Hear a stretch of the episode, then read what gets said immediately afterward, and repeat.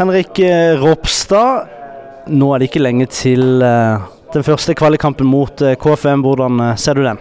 Hei, Nå går vi bare ut og gleder oss. Nå er dette en tidlig julaften for oss, så vi skal gjøre det meste ut av dette her og ta med oss alt vi kan inn mot kampen, for det her blir gøy.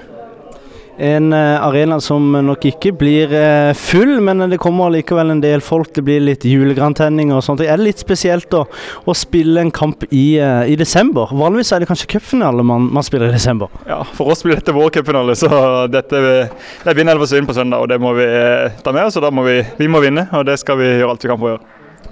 Folk sier du har virkelig hevet deg etter Tønnesen har kommet inn. Hvordan syns du selv du har spilt denne, denne høstsesongen?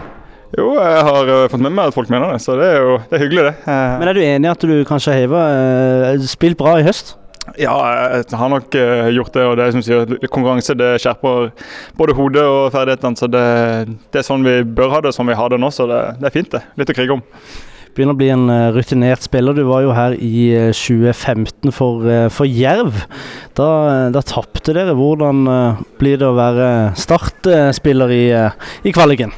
Ja, nei, det var jo en, det var en sinnssyk uh, kvalikkamp der med Jerv Start for et par år siden. så Det, det er jo det som, sånn, det er den kampen man husker og sitter igjen med. Uh, det, og det er sånn oppgjør man har lyst til å spille. Så nå står jeg på den gode sida. Nå sitter jeg i Start, og da er vi favoritter. og Det skal vi, det skal vi utnytte mot KFM.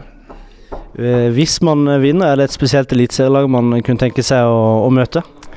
Altså sånn, Det gøyeste hadde jo vært å møte Lars Jørgen, men det er kanskje ikke sånn ønskemotstanderen. Men ja, skal vi si, sånn rent uh, taktisk så vil jeg helst unngå Godset og Sarpsborg hvis, hvis, vi vinner på søndag. Så uh, Tromsø 11.12., den, den, tar du?